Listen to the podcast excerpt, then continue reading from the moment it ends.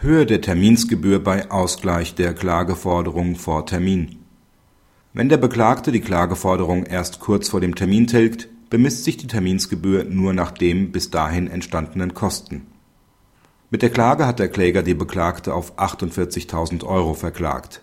Der Gerichtstermin stand am 10.09.2008 an.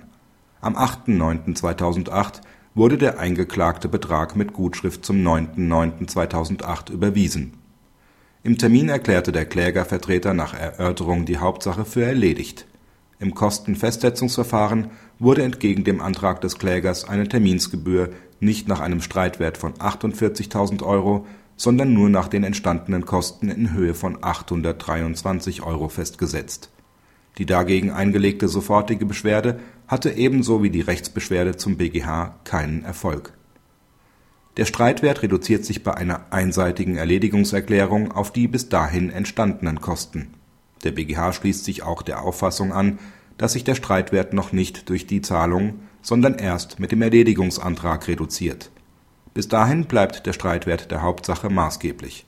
Auch stellt der BGH klar, dass es nicht auf den Zeitpunkt der Erledigungserklärung im Termin ankommt die Terminsgebühr ist grundsätzlich nach dem vollen Streitwert schon damit angefallen, dass die Verhandlung mit dem Aufruf zur Sache begonnen hat.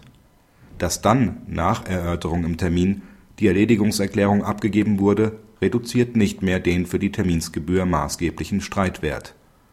Der BGH hat aber gleichwohl die Kostenentscheidung des LG nach Treu und Glauben bestätigt.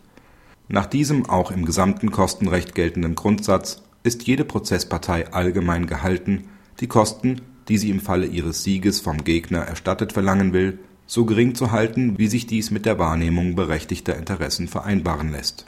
Danach hätte der Kläger schon vor dem Termin schriftsätzlich eine einseitige Erledigungserklärung abgeben können.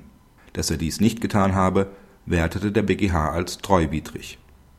Praxishinweis Für das Verkehrsrecht hat diese Prozesssituation eine große Bedeutung da diese Verfahren häufig zeitnah zu einem Verkehrsunfallgeschehen eingeleitet werden, sind Zahlungen des eintrittspflichtigen Versicherers nach Prüfung der Ansprüche nicht so selten.